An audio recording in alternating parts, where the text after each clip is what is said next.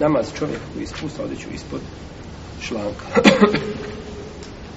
Kaže Budavud u svome sahihu, u svome sunenu u stvari, pričao nam je Musa ibn Ismail od Ebana, od Jahje, od Ebu Džafara, od Ata ibn Jesara, od Ebu Hureyre, da je poslanik sallallahu alaihi wasallame jednom čovjeku rekao da se vrati i da ponovi nam uh, abdest. Pa mu je tako rekao tri puta. Da ponovi abdest. Da ponovi abdest. Pa je tako ponavljao abdest. Pa je nakon toga upitan poslanik sallallahu pa je rekao on je klanjao a imao je spuštenu odjeću. Wallahu la yaqbalu salate muspile lizar. A kaže Allah ne prima namaz čovjeka koji ima spuštenu odjeću. Ovaj hadis bilježimo imam, imam Ebu Davudu svome sunenu i kaže imam neuvi u svome dijelu al međmua da je vjerodostan po muslimovim kriterijima. Allah ne prima odjeću, čo, Allah ne prima namaz čovjeka koji ima spuštenu odjeću. Hadis bilježi ko? Imam Ebu Davud i kaže imam neuvi da je sahih po muslimovim kriterijima. Isto tako kaže i šejh Ahmed Šakir u svojim opaskama na dijelu Al-Muhalla. Da je hadis sahih po muslimovim kriterijima. I isto kaže da je sahih, kaže Ibnu Mufleh u svome dijelu Al-Adab Šra'ije. Kažu da je hadis šta? Sahih.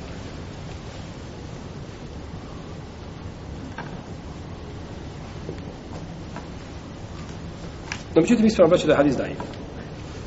Ispravno da je hadis daje.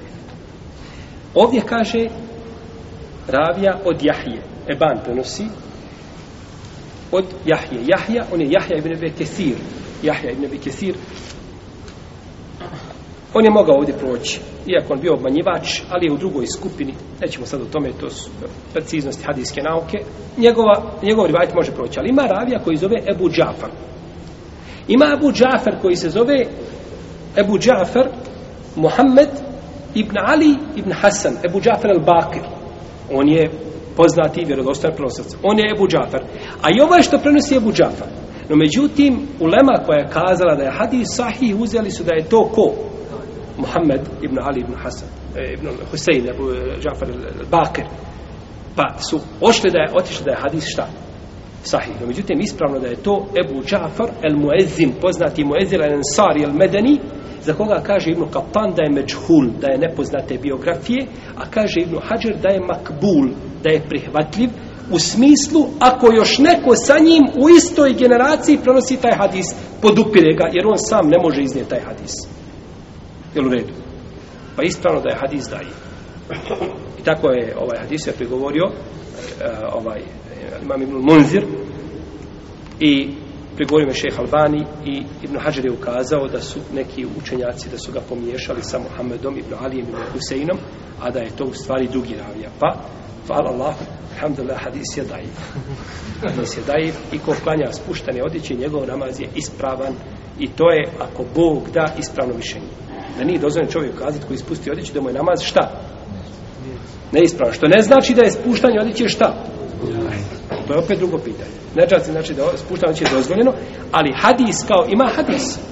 I braćo, dosta će ljudi pro, ovaj pročitati, no međutim ovdje bi na dugu se stvar vratili. Imam neovije od prvaka koji kaže ako je spuštanje a, ovaj spuštanje ovoga odjeće da je mekruh ako nije iz oholosti.